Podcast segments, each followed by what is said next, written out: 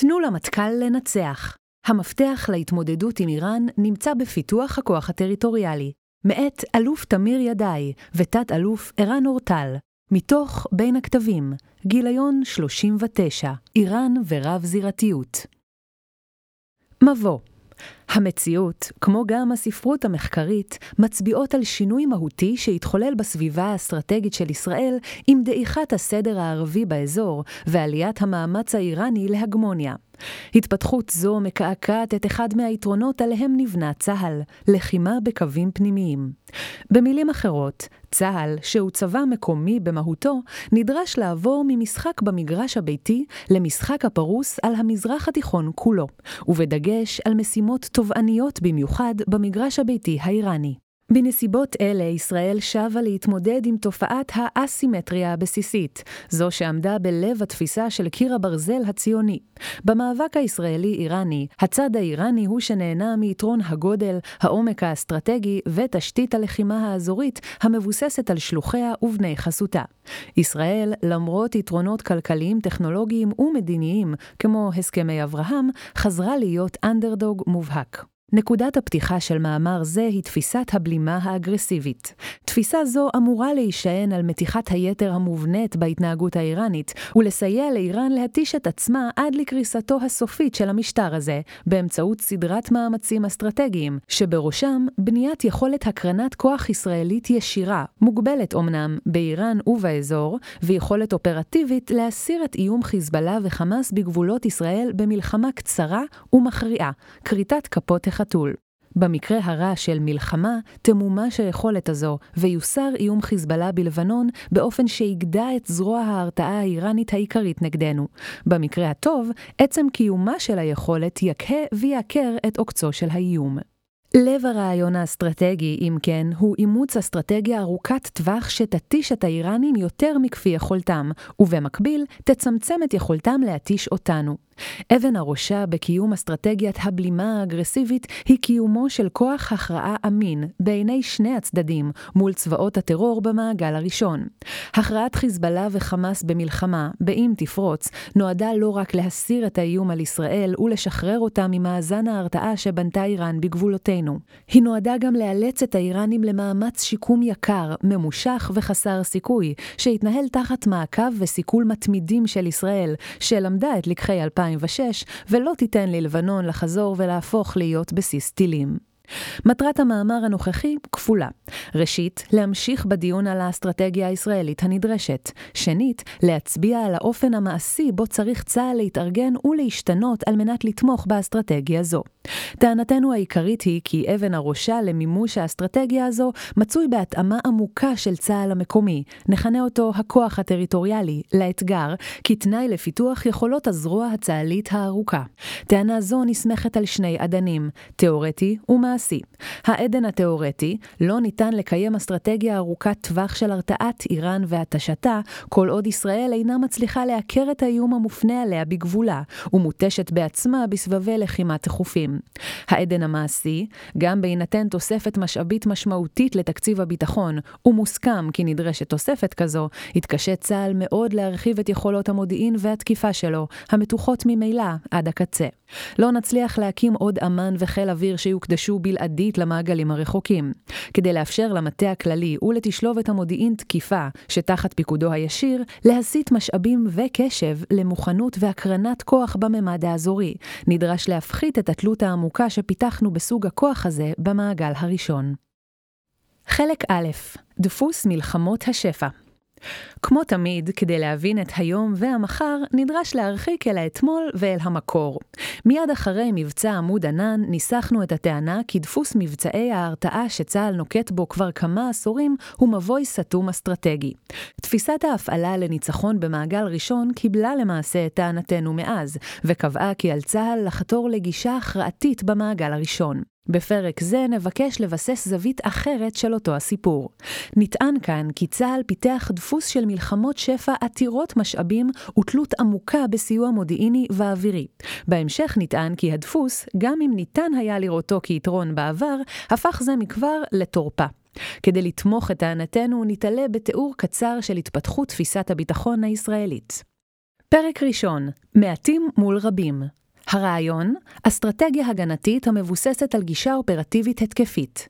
תפיסת הביטחון המקורית של מדינת ישראל נאלצה לענות על השאלה כיצד תשרוד מדינת ישראל הקטנה כאי באמצע ים של עוינות ערבית אלימה. התשובה התבססה על גיוס כלל משאבי האומה כדי לנצח במלחמות קצרות ומכריעות, שבתורן ירתיעו את הערבים ויאפשרו שנות שקט ובניין אומה ארוכות. אל מול קואליציה צבאות ערב ינקוט צה"ל בגישה של דירוג אסטרטגי אסטרטגי, הכרעה בחזית העיקרית והעתקת הכוח לחזיתות הבאות על פי הצורך. סדרת מלחמות כאלה, הביטחון היסודי, ומבצעי תגמול לתחזוק ההרתעה ביניהן, הביטחון השוטף, יביאו בסופו של דבר את הצד השני להכיר בעובדת קיומנו כאן, קיר הברזל. הצורה המעשית, הביטוי המעשי לרעיון זה, היה התבססות על צבא מילואים גדול ומיומן. זה היה הכוח העיקרי. את התנאים להצלחת צבא המילואים יספקו התראה מודיעינית מוקדמת לגיוס, כוח סדיר שיבלום התקפת פתע ערבית, וחיל אוויר חזק שיבטיח עליונות אווירית לחיפוי על מהלך הבלימה והגיוס. זה ההסבר לחשיבותם ועוצמתם המסורתית של אמ"ן וחיל האוויר. פרק שני, צבא קטן וחכם. הרעיון, קיום תפיסת הביטחון המסורתית מול צבאות ערב, אך בתנאים משופרים, באמצעות מיצוי יתרונות טכנולוגיים. מיצוי הטכנולוגיה נועד הן לשפר את תוצאות הלחימה, והן להפחית את נטל הביטחון על כלכלת המדינה.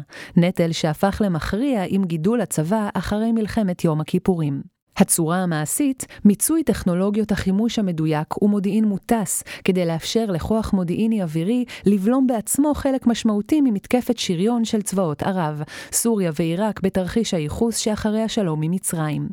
בעוד שהכוח היבשתי בולם ומכריע את חלקה האחר. פרק שלישי, אויב אסימטרי. הרעיון, אל מול אויבים חלשים, ארגוני טרור וגרילה בעזה, איו"ש וברצועת הביטחון בלבנון, אין מקום להעברת המלחמה לשטח האויב, ולא ברורה משמעות המושג הכרעה בממד האופרטיבי. עיקר הישגי האויב הוא בגרימת נפגעים לצד שלנו, ולכן הרעיון הוא להעביר את נטל הלחימה ככל הניתן למודיעין ולאוויר, ולצמצם ככל הניתן את הממד היבשתי. הצורה המעשית, מתיחת היכולות המודיעיניות אוויריות שפותחו לבלימת צבאות ערב, לצורך איתור, ציד ופגיעה במחבלים. לצד זאת, מיצוי כוח האש הצה"לי שפותח כמנוף אסטרטגי לאיים על יציבות הממשלות העוינות, לבנון, סוריה והנהגות הטרור עצמן, כדי לרסן את פעילותם העוינת. רעיון זה כונה פעמים רבות כעקרון האחריות המדינתית, לצד פגיעה באויב בפעולות סיכול מדויקות והרתעתו באמצעות ענישה מהאוויר, סוכמה גם רגל ההגנה כרגל רביעית לתפיסת הביטחון. ואכן, תשתיות ההגנה בגבולות ובקו התפר ומערכת ההגנה מפני רקטות וטילים זכו להשקעות של עשרות רבות, אולי מאות של מיליארדי שקלים בשלושה העשורים שחלפו. אם נסכם בקווים מאוד כלליים את האופן בו הסתגלנו במהלך 70 השנים האחרונות לסביבה האסטרטגית המשתנה, נעשה זאת כך. ישראל התחזקה, באופן מוחלט וגם באופן יחסי לאויביה. ככל שהתחזקה ישראל, כך צומצמה הגישה האופרטיבית ההתקפית הכרעתית, וניתנה העדפה לעליונות הישראלית החומרית, בטכנולוגיה ומשאבים, מבוססת האוויר, על פני לחימה עתירת סיכון בממד היבשתי. ביקורת רבה נמתחה לאורך השנים על ההתפתחות ההדרגתית הזו, לרבות מצד כותבי שורות אלה. למרות שחלק משמעותי מהביקורת אכן מוצדק בראייתנו, קשה להתכחש להיגיון האסטרטגי הפנימי כפי שהוצג כאן. ואכן, ההתפתחות הזאת שהוצגה כאן לתפיסת הביטחון הלאומית, הלא כתובה, חצתה ממשלות ומטות כלליים מכל צידי המפה הפוליטית ומכל זרועות צה"ל, ונמשכת כמה וכמה עשורים. בסיכומו של דבר, תנאים משופרים מאוד לטובת ישראל, שמצאה עצמה עומדת מול ארגוני טרור נחותים ממנה צבאית, ללא איום מיידי של מלחמה בחזית שנייה ושלישית, אפשרו לצה"ל לפתח ולהתרגל לדפוס של מלחמות שפע. מלחמות אלה מבוססות על הפגנה שיטתית והדרגתית של עוצמת האש הישראלית, מאופיינות במשכים הולכים ומתארכים, לבנון השנייה כחודש, צוק איתן כחמישים ימים, בדרישות משאביות ניכרות, חימוש מדויק אווירי, היקפי מיירטים גדולים, ובספיגה מתמשכת בעורף ישראל. מה שנועד להיות צבא קטן וחכם, הפך למפעל עתיר משאבים המצוי תמידית בתוכנית חירום לשיפור מוכנותו, קרי, למילוי מחדש של מחסני החימוש היקר, ובמאמץ סזיפי ועתיר משאבים לפתח את בנק המטרות למלחמה הבאה.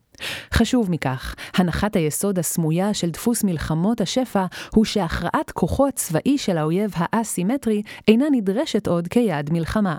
ואכן מוסכם על רוב הפיקוד הבכיר כי גם בהינתן תגבור משמעותי נוסף של מטרות, חימוש ומיירטים, גם אז לא תיתכן הכרעה אופרטיבית והסרה של איום האויב בכוח, אלא רק סיכויים טובים יותר לאכיפה פוליטית, ולכן גם זמנית, של רצוננו על האויב. חלק ב' זה לא הם, זה אנחנו. האתגר הרב-זירתי. בשנים האחרונות גובר העיסוק במערכת הביטחונית באתגר המכונה האיום הרב-זירתי, או תופעת התלכדות הזירות. נשמעות טענות לפיהן גלישת הלחימה מזירה אחת לשנייה, כמו למשל הגלישה לצוק איתן ב-2014, מתוך משבר חטיפת שלושת הנערים באיו"ש, או התלקחות מבצע שומר חומות מירושלים לעזה ולזירת הפנים, יוצרים מימד חדש ומסוכן יותר לתפיסת ההפעלה של צה"ל. ואולם, כל מי שבקיא בהתפתחות תפיסת הביטחון הישראלית, יודע כי הגישה הישראלית למלחמה, ריכוז כלל המאמצים בחזית העיקרית לשם הכרעתה, מקבילות אופרטיבית, והעתקת המאמץ העיקרי לחזית הבאה, דירוג אסטרטגי, גישה זו מקורה בראשית ימי צה"ל, ובתרחיש שכונה אז מקרה הכל. הזיקות המעשיות בין אויבינו השונים אומנם התגברו לאחרונה, אך מדוע דווקא היום, כשעוצמתנו היחסית גדולה לאין שיעור, התופעה הזו נחשבת לכל כך מטרידה? התשובה, להבנתנו, נעוצה בתיאור שהבאנו בחלק א'. כל עוד דפוס מלחמות השפע הופעל נגד אויבים הנחותים מאיתנו צבאית באופן עמוק ומבודדים בצורה משמעותית, קשה היה להבחין במגמה האסטרטגית השלילית ההולכת ומתהווה. אך משהתפתחו האויבים לאיומים צבאיים של ממש, הפכו מלחמות השפע לעיקרות וממושכות מדי. וכך, כבר במלחמת לבנון השנייה הפכה ישראל תלויה בסיוע חירום של ארצות הברית באספקת סוגי חימוש מסוימים. גם במהלך המבצעים הגדולים בעזה, עופרת יצוקה 2008 עד 2009 וצוק איתן 2014, נדרש צה"ל להשלמה דחופה של פריטי ציוד. כך הפכה שאלת סיוע חירום אמריקאי במהלך צוק איתן לסוגיה פוליטית שנויה במחלוקת בארצות הברית. ישראל, שמבקשת להקרין דימוי מעצמתי, נדחקה לפינה. לא רק במהלך מבצעים גדולים זקוק צה"ל לאספקת חירום. אחרי כל מבצע מוגבל כנגד האויבים החלשים יותר של ישראל, חמאס והג'יהאד האיסלאמי בעזה, נאלצת ישראל לפנות לממשל האמריקאי לקבלת סיוע מיוחד כדי להשלים את מלאי התחמושת שלה, ובעיקר את מיירטי כיפת ברזל היקרים. על רקע זה ניתן להבין את המוטרדות ההולכת וגוברת בישראל מתופעת התלכדות זירות האיום נגדנו. תפיסת הביטחון המקורית של ישראל הניחה מציאות של מחסור, וחתרה לכן להכרעה מהירה של האיום העיקרי ולפירוק הקואליציה הערבית. על פי הצורך, יכול היה הכוח לעבור להכריע גם בחזית הבאה. דפוס הפעולה שהתהווה אצלנו באופן בלתי מודע בעשורים האחרונים הוא הפוך. הוא מניח יתרון ישראלי אינהרנטי איכותי וכמותי, והוא התפתח במציאות בה האיום איומים מזירות נוספות היו זניחים. השפע החומרי ומשך הזמן נועדו לצמצם את המחיר בחיי אדם. כעת פוגש דפוס מלחמות השפע הזה מציאות חדשה. חלק ג' ללכת לישון עם הסכסוך הישראלי-ערבי ולהתעורר למלחמה עם איראן. הקרדיט להתפתחות של חיזבאללה, חמאס והג'יהאד האיסלאמי, כל אחד במידה ואופן מעט שונים, מארגוני טרור קטנים לצבאות טרור מבוססי טילים, איומים אוויריים ורקטות, תמר, טילים מעופפים ורקטות, לא שייך באופן בלעדי ליכולת הלמידה שלהם עצמם, או למחדל שלנו באי הכרעתם בשדה הקרב. חלק ניכר מהקרדיט נזקף לזכות השחקן האיראני.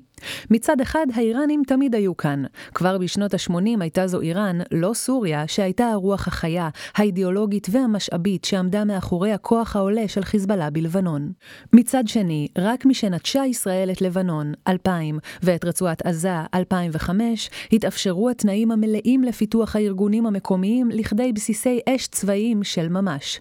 ביתר שאת, רק עם קריסת הסדר הערבי באזור, האביב הערבי 2011, התאפשרה הפריצה האסטרטגית הגדולה של איראן, והתמקדותה ביצירת טבעת חנק טילית על ישראל באמל"ח מתקדם בלבנון, בעזה ובאמצעות שלוחיה ובני חסותה באזור כולו. האסטרטגיה הישראלית התמקדה בעשור האחרון במאמץ בלימה, מוצלח בסך הכל, של ההתבססות האיראנית בסוריה, המערכה בין המלחמות, מב"ם. למרות מאמץ זה הצליחו האויבים בלבנון ובעזה, גם אם מעט ולאט מכפי שקיוו, להתעצם משמעותית לא רק במונחים כמותיים, היקף הרקטות והטילים שברשותם וטווח הירי שלהם, אלא גם במונחים איכותיים, כוחות פשיטה, מרכיבי הגנה אווירית ויכולות תקיפה מדויקות. מעל הכל נהנים השותפים לציר השיעי, הגם ששותפיו הפלסטינים אינם שיעים, מתחושת עידוד של מי שנמצאים במחנה שניצח את ההתקוממות הסונית באזור, והולך ומהדק את המצור הטילי על ישראל. באווירה כזאת גדלה רמת הנכונות של מנהיגי חמאס עזה, למשל, להסתכן בסבב לחימה על מנת לנכס לעצמם חיכוך לאומי בירושלים, הרקע לשומר חומות 2021. גדלה רמת המוכנות של ציבור ערבי-ישראלי מתוסכל להפגין את הזדהותם עם אויבי ישראל, שוב אירועי שומר חומות, ובעיקר גדלה רמת הנכונות של חיזבאללה לאתגר את ישראל וללכת על הסף. ואכן, במהלך 2022 יצא חיזבאללה בקמפיין הצהרות לוחמניות בתקשורת סביב המשא ומתן הישראלי-לבנוני על הגבול הימי, וחזר למדיניות מתריסה ופרובוקטיבית של נוכחות גלויה בגבול הצפון. ההרגל שפיתחנו בעידן האיום האסימטרי, דפוס מלחמות השפע, נולד בעידן בו חיזבאללה היה מבודד למדי בלבנון, וחמאס היה נצור בעזה. כעת הדפוס הזה פוגש ציר שיעי הולך ומתלכד, מקבלי ההחלטות הישראליים, שמודעים היטב לאורך הנשימה הישראלי המוגבל, ונטייתם של מבצעים אוויריים להתארך, אינם יכולים להרשות לעצמם את הסיכון שבגלישת המלחמה לזירות נוספות והתארכותה. וכך, למרות עליונות צבאית על הנייר, כלומר, עמדת המיקוח האסטרטגית של ישראל נשחקת כבר מיום המלחמה הראשון. חלק ד' לשחרר את תל אביב אורך הנשימה ומלאי החימוש והמיירטים אינם אלא צוואר הבקבוק השני בחשיבותו שיצר דפוס מלחמות השפע. צוואר הבקבוק הראשון בחשיבותו הוא זה המצוי בתל אביב. לא, תל אביב לא נכבשה על ידי האויב. בלשחרר את תל אביב כוונתנו היא שהמשאבים הקריטיים ביותר למימוש צורת המלחמה הישראלית של העשורים האחרונים קשורים בקומפלקס איסוף המודיעין, עיבודו למטרות תקיפה, התכנון המבצעי של תקיפת מטרות אלה, והניהול המתמיד של התהליך הזה על ידי המטה הכללי. כל זה נדרש לביצוע הן בממד ההכנות למלחמה, הן בממד ניהול המערכה שבין המלחמות, והן במהלך המבצעים עצמם בעזה ובלבנון. מאחורי היכולת המרשימה של צה"ל לתקוף 3,000 מטרות חיזבאללה ביום לחימה אחד במלחמה הבאה בלבנון, עומד מפעל של אלפי אנשים. חלק ניכר מהם משרתי קבע מיומנים, באיכויות הגבוהות ביותר שבנמצא. מיטב אנשינו עסוקים בחיבור תמונת פאזל מודיעינית מורכבת, בתיאום אין סוף משאבי איסוף מודיעין יקרים, ובעיבוד כל אלה למידע מודיעיני שניתן לתקוף. עליהם מצטרפים מאות רבות של אנשי מקצוע מובחרים, האמונים על תכנון כל אחת מאלפי התקיפות הצפויות במלחמה, כמו גם את מאות התקיפות המורכבות המתבצעות מדי שנה במערכה שבין המלחמות. האויב לא שוקט על שמריו, הוא מודע מאוד למאמץ המודיעיני שלנו. בנק המטרות הצה"לי המפורסם חייב לכן לעבור בדיקות חוזרות ונשנות של עדכניות המטרות ותוכניות התקיפה. גם לאחר שכלול התהליכים האלה בטכנולוגיות מתקדמות, נותר מפעל זה עתיר כוח עבודה אנושי. אנושי. על כל המאמצים האלה, המחייבים תיאום מורכב של אמ"ן, מוסד, שב"כ, חיל אוויר ואגף התקשוב, מנצחים אגפי המטה הכללי, אגפי המבצעים והתכנון בעיקר, שנדרשים דרך קבע לסכם תוכניות עבודה מפורטות, לקבוע סדרי עדיפויות ולשחרר פקקים בצנרת. אמ"ן וחיל האוויר מעולם לא שוחררו, ובצדק, מחובותיהם המקוריות. להתריע מפני מלחמה, להבטיח עליונות אווירית, לאתר את המטרות האסטרטגיות של האויב ולנטרל את מערכיו הקריטיים. לאורך השנים הצטברו על משימות אלה גם משימות סיכול טרור, תובעניות כשלעצמן בקשב ומשאבים. הנטל עליהם רק הלך והתפתח לצד גידול משמעותי מאוד, אך עדיין חלקי במשאביהם. המטה הכללי של צה"ל מעולם לא נבנה כדי להפעיל כוח באופן ישיר. ישיר. לשם כך נבנו הפיקודים המרחביים, אך את תשלובת המודיעין אוויר נכון יותר להפעיל באופן ריכוזי מתל אביב. תל אביב, המטכ"ל, לקחה על עצמה עוד ועוד אחריות ומשאבים. פיצוי חלקי לפיגור היחסי של הכוח היבשתי אחר מרוץ ההשתכללות של האויב, לאור העדפת המלחמה האווירית, ניתן באמצעות שילוב טוב יותר של תל אביב בשדה הקרב, שילוביות.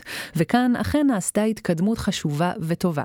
עם זאת, הלוחמם, לוחמה מואשרת מודיעין, והסיוע האווירי הפכו להיות הגשר הכמעט בלעדי של הכוח היבשתי. הם תורמים רבות לשיפור המודעות המצבית של הכוח הלוחם, אך עדיין לא צפוי שהם כשלעצמם יהוו מעטפת מספקת.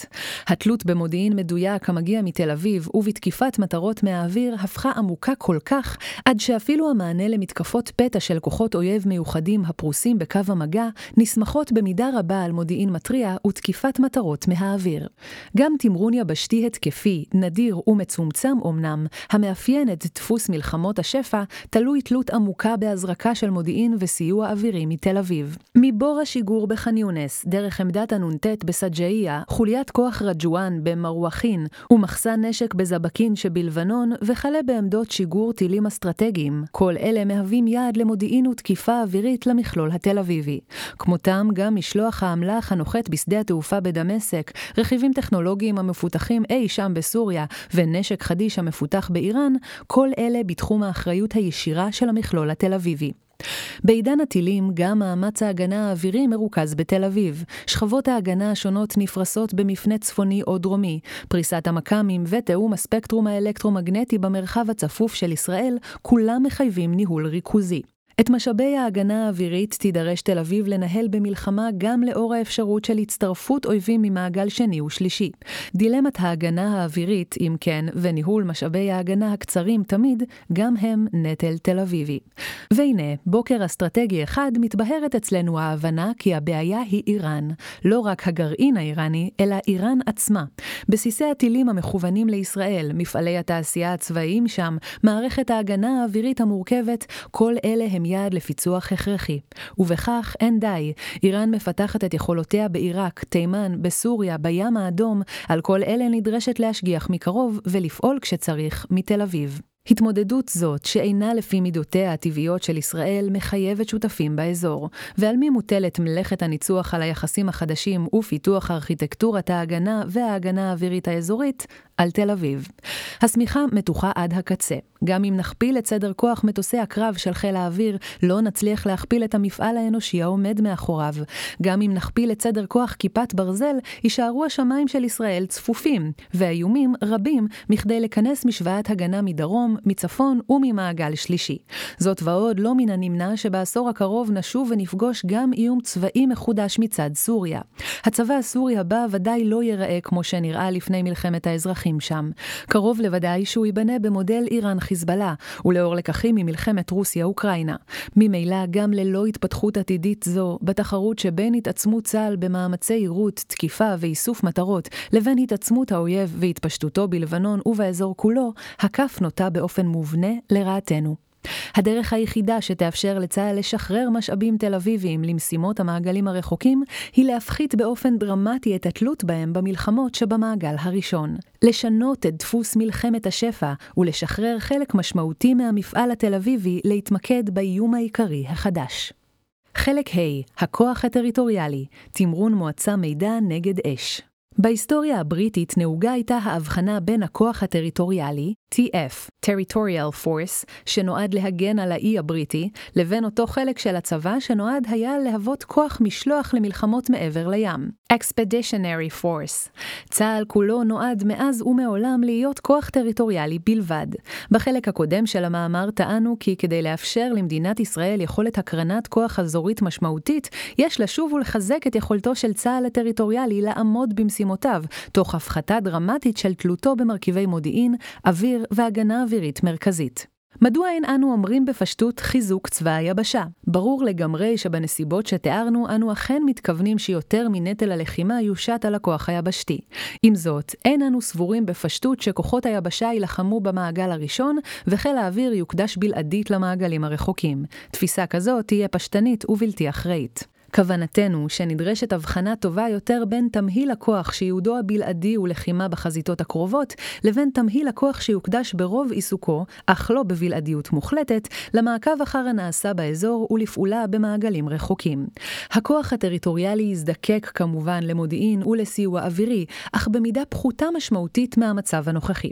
הוא גם יהיה חייב מרכיבים של הגנת כוח מפני איומי אש מדויקת ואיומים אוויריים, מרכיבים החסרים לו היום. לכן, אין טעם לתארו באמצעות שיוכו הזרועי.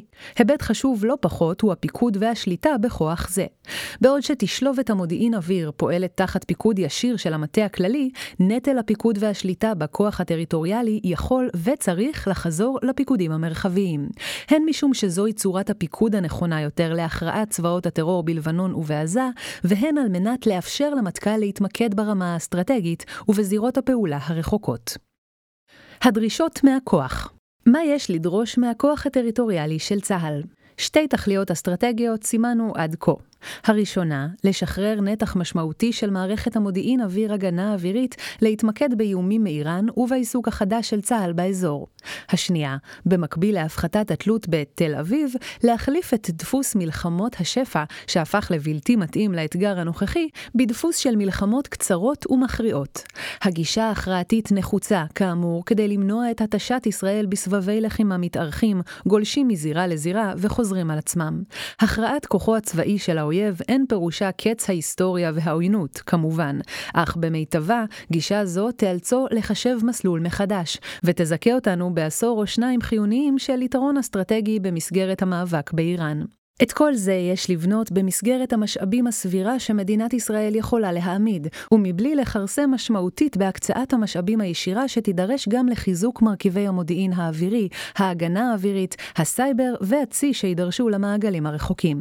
כיצד משיגים כל זאת? על ידי רב-ממדיות. תפיסת ההפעלה לניצחון במעגל ראשון ידועה גם כתפיסת הרב-ממדיות. עיון בתפיסה מלמד כי תחת המושג רב-ממדיות מסתתרות שתי משמעויות משלימות אך שונות. האחת, שילוב הדוק יותר בין זרועות האוויר, המודיעין והיבשה. במילים אחרות, המשך הוקטור הקיים מאז שנות ה-90 תחת הכותרת שילוביות, רק במתכונת הדוקה וטובה יותר, המתאפשרת בזכות דיגיטציה. המשמעות השנייה, בניית מימד אנכי, יכולות חישה, תקשורת נתונים ועיבוד מידע מתקדמות, כל אלה בתוך המסגרות היבשתיות עצמן. זוהי רב-ממדיות אורגנית שנועדה להפחית את התלות היבשתית בסיוע מהדרגים הגבוהים, ולאפשר לכוחות למצות את קרבתם לאויב ואת החיכוך עמו, כדי לחשוף אותו ולפגוע בו במהירות ובהיקפים גדולים. תמרון שריד וקטלני, כינתה זאת תפיסת הניצחון. תר"ש תנופה חולל שינוי דרמטי בצה"ל בכל הקשור לרתימת טכנולוגיות חדשות לייצור מטרות ולתקיפתן, בעיקר בדרגים הגבוהים. הוא גם קידם מאוד את היכולת של כוחות היבשה לקבל סיוע מהדרגים האלה באמצעות תוכניות כמו לוחמם ושיפורים רבים בסיוע האווירי לכוחות. עם זאת, בתחום עצמאות הכוח היבשתי, אנו נמצאים עדיין בשלב בוסרי יחסית של תוכניות דגל ניסיוניות, כמו יחידת הרפאים ו-SOI, כלומר, בשנים האחרונות התקדמנו בעיקר בווקטור ההפוך מזה שתיארנו כנדרש. אמנם שיפרנו את היכולת המבצעית, אך עשינו זאת במחיר של העמקת התלות של החזית בדרגים הגבוהים, התל אביביים, ולא שינינו במהותו את דפוס מלחמות השפע הלא מכריעות. במשך שנים ניכרת תופעה של אי אמון מצד מקבלי ההחלטות בלוחמת יבשה, שנתפסת כרבת סיכונים ודלת הישגים. אין ספק שהתלות המבצעית שתיארנו מעמיקה עוד יותר את אי האמון הזה.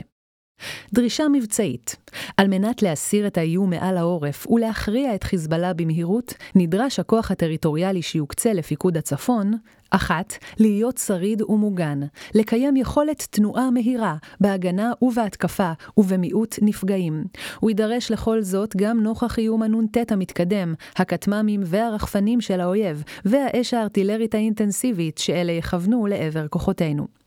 2. להיות קטלני כלפי האויב, למצות את החיכוך והקרבה לאויב כדי לעוררו, להופכו למטרות, ולתקוף במעגלי תקיפה קצרים, באש או בהתקפות קרקעיות, כדי לשמר יוזמה ולהשמידו.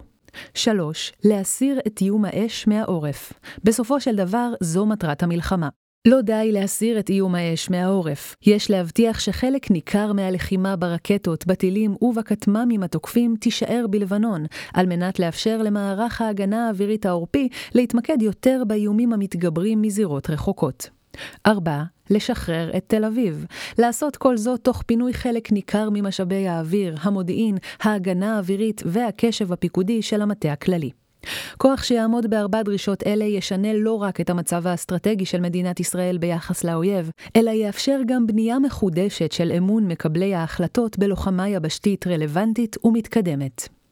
אם לפני עשור שלוש דרישות אלה נדמו כמדע בדיוני למערכת בניין הכוח הצה"לית בכלל והיבשתית בפרט, כיום כל העוסקים בדבר מכירים את הפתרונות המעשיים שיאפשרו זאת. מערכי הכטמ"ם והרחפנות הקיימים היום בזרוע היבשה אינם רחוקים מהחזון של מימד אווירי שיספק תקשורת וחישה רציפים ואיכותיים לשדה הקרב הקרקעיים. נותרו לנו אתגרים של תפיסה, ארגון ואינטגרציה. עלינו לשנות את הגישה היבשתית הרגילה שמתמקדת בהעמסת יכולות חדשות חדשות על כוחות קיימים, מלמטה למעלה, הקורסים תחת העומס. עלינו להפסיק לחתור למג"ד ומ"פ רב-ממדיים. יש לאפשר למג"ד להיות חד-ממדי וממוקד באויב שבעין, באמצעות קיום קרב רב-ממדי ברמות החטיבה והאוגדה. מי שיישא בנטל הרב-ממדיות יהיו יחידות ייעודיות שיספקו את מעטפת האוויר חישה תקשורת ותיאום מעגלי התקיפה עבור החטיבות והגדודים המסתערים שנלחמים במרחבם. להערכתנו, בהתבסס על האמל"ח הקיים כבר היום ועל מאמצי פיתוח, אינטגרציה ורכש נוספים בהיקף סביר, ניתן תוך שנים ספורות לארגן די יחידות רב-ממדיות שיספקו מעטפת תומכת לרוב סד"כ צה"ל, סדיר ומילואים כאחד. יחידות אלה יפעילו את מערך האש היבשתית שפיתחנו בשנים האחרונות, ושנארגן כחיל טילים טקטי מרחבי. מעטפת מרחבית לחשיפת האויב והשמדתו ברמת האוגדה והחטיבה יאפשרו גם לכוחות הפחות ממוגנים מוגנים בצה"ל, לרבות יחידות מילואים, תנאים טובים יותר ללחימה.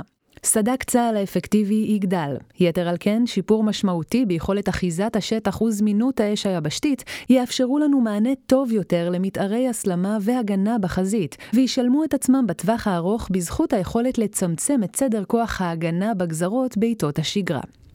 נותרה משימת דיכוי האש של האויב, הן האש הטקטית, שעדיין תסכן את כוחותינו למרות מעטפת חשיפת האויב, והן האש המכוונת לעורף ישראל. בלשלול את הרקטות, תיאר האלוף חליבה גישה של מערכת קרקעית לשלילת יכולת הרקטות והטילים של האויב באמצעות שמיכות דיכוי תמ"ס ונ"ט. בשונה ממערכות ההגנה האווירית הקיימות, שמיכות הדיכוי מבוססות על מכ"מים, סנסורים טקטיים ומשגרי טילים, מיירטים ותוקפים, המוצבים בחזית, לא בעורף. בזכות קרבתם לאויב וטכנולוגיה מתקדמת, טילים אלה מסוגלים לפגוע במקורות ירי בתוך שניות אחדות, וליירט טילים וכלי טיס של האויב בעודם ממריאים. את כל זאת ניתן לבצע במחיר זול משמעותית מהיירוט המסורתי הקיים היום, בזכות העברת המרכיב החכם מהטיל עצמו לרשת החיישנים המכוונים אותו. הכוח הטריטוריאלי, אם כן, יוכל להילחם באויב תחת מעטפת של חישה אווירית וקרקעית מתקדמת, אש יבשתית מדויקת וזמינה למשימות סיוע, ובחסות מערך אש נגד אש, או שמיכת דיכוי מרחבי. מערך זה ישמיד את חוליות הנ"ט, יקטע את השיגורים הרב-קניים לעורף ישראל, ישמיד את המשגרים תוך כדי פעולת השיגור שלהם, ויירט טילים ארוכי טווח וכטמ"מים המכוונים לעורף ישראל ותשתיות אסטרטגיות. כמו כל כוח, גם הכוח הטריטוריאלי המחודש שלנו יהיה מחויב באימון רלוונטי כדי להיות בכשירות, ומכיוון שמכפילי הכוח המערכתיים שתיארנו יאפשרו מיצוי גם של סד"כ המילואים, נידרש להבטיח גם ליחידות אלה רמת כשירות משופרת. כוח זה ימשיך אמנם להתבסס על המודיעין שנאסף לפני המלחמה, על מנת להצליבו בנתונים שיאספו על ידי מערכות הסיור וחישה של הכוח עצמו בזמן אמת. תקיפת מטרות אויב ערכיות מהאוויר תמשיך להיות גם בעתיד דרך חשובה להחליש את התנגדות האויב ואפקטיביות מתקפת האש שלו לעורף. גם מערך ההגנה האווירית הארצי ימשיך ליירט את אותה אש שלא נוטרלה בחזית עצמה. ועדיין, הכוח הטריטוריאלי ייהנה מיכולת חשיפת אויב מרחבית ברוחב ועומק עומק משמעותיים, כך שתלותו באיסוף מטכ"לי תקטן משמעותית. הוא ייהנה מסיוע אש קרקעית זמינה, כך שגם הפחתה בתקיפות האוויר במקרה של פתיחת זירת לחימה נוספת לא תפגע במאמציו. וחשוב מכל, יכולתו לצמצם משמעותית את מתקפת האש על העורף, תאפשר לאמ"ן להתמקד בייצור יותר מטרות רחוקות על חשבון מטרות משגרים בדרום לבנון לפני המלחמה, ולמטה הכללי לרכז חלק גדול של משאבי הגילוי והעירות כלפי איומים ממעגלים רחוקים במהלך המלחמה. בכך נבטיח חוסן אופרטיבי ואסטרטגי מפני ניסיונות איראניים להתערב במלחמה.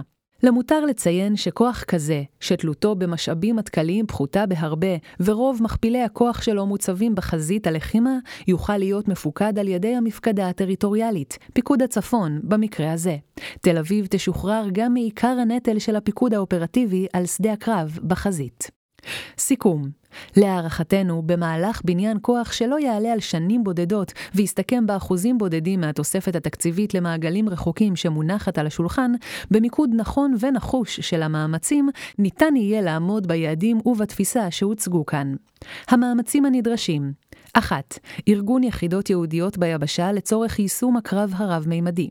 2. ארגון וחיזוק האש היבשתית המרחבית. 3. שמיכת דיכוי, מערכת אש נגד אש מרחבית בחזית, שתבלום את האש לעורף ישראל בשטח האויב ותגן על כוחות היבשה. זהו מאמץ המפתח. 4. השלמה נדרשת של ציוד ואימון כוחות המילואים. 5. חזרה לדפוס של פיקוד משימה שהפיקוד המרחבי במרכזו. מימוש המהלך הזה יאפשר לצה"ל בראש ובראשונה לקטוע את רצף הסבבים האינסופי ואת שחיקת ההרתעה של אויבינו. גם ללא מלחמה ממש, עצם קיומה של יכולת הכרעה מהירה ומובהקת וצמצום האיום על עורף ישראל והעומס הצפוי על מערכת ההגנה האווירית, יאפשר למדינת ישראל להתיר מעט את רסני הפעלת הכוח הנוכחיים בלבנון ובעזה, ולהתחיל לשחוק ולהשיג לאחור את האיום הנבנה מתוכם. ביוזמה התקפית נוסח המב"ם הנוכחי בסוריה. פוטנציאל ההכרעה של הכוח הטריטוריאלי החדש יאפשר לצה"ל להסיט חלק מההשקעות שכבר השקענו, ולמקד אותן באיומים מהמעגלים הרחוקים המטרידים אותנו יותר ויותר. כיפת ברזל, למשל, תיהנה מהפחתת העומס עליה במלחמה במעגל ראשון, ותוכל למקד חלק גדול יותר ממשאבי הגילוי ומהמיירטים המתקדמים שבפיתוח באיומים ממעגלים רחוקים.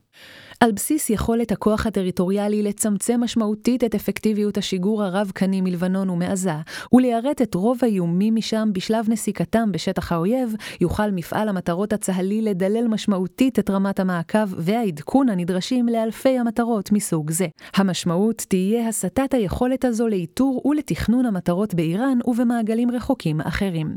בהפעלת הכוח תפחת מאוד הדילמה הישראלית על הטלת הכוח העיקרי של חיל האוויר. גם בעיצומם סיומם של ימי השיא למלחמה אפשרית בלבנון, יהיה הכוח הטריטוריאלי בפיקוד הצפון עצמאי ורובוסטי מספיק כדי לאפשר לחיל האוויר לתכנן ולהפעיל את מירב כוחו הרחק מגבולות ישראל, באם יידרש.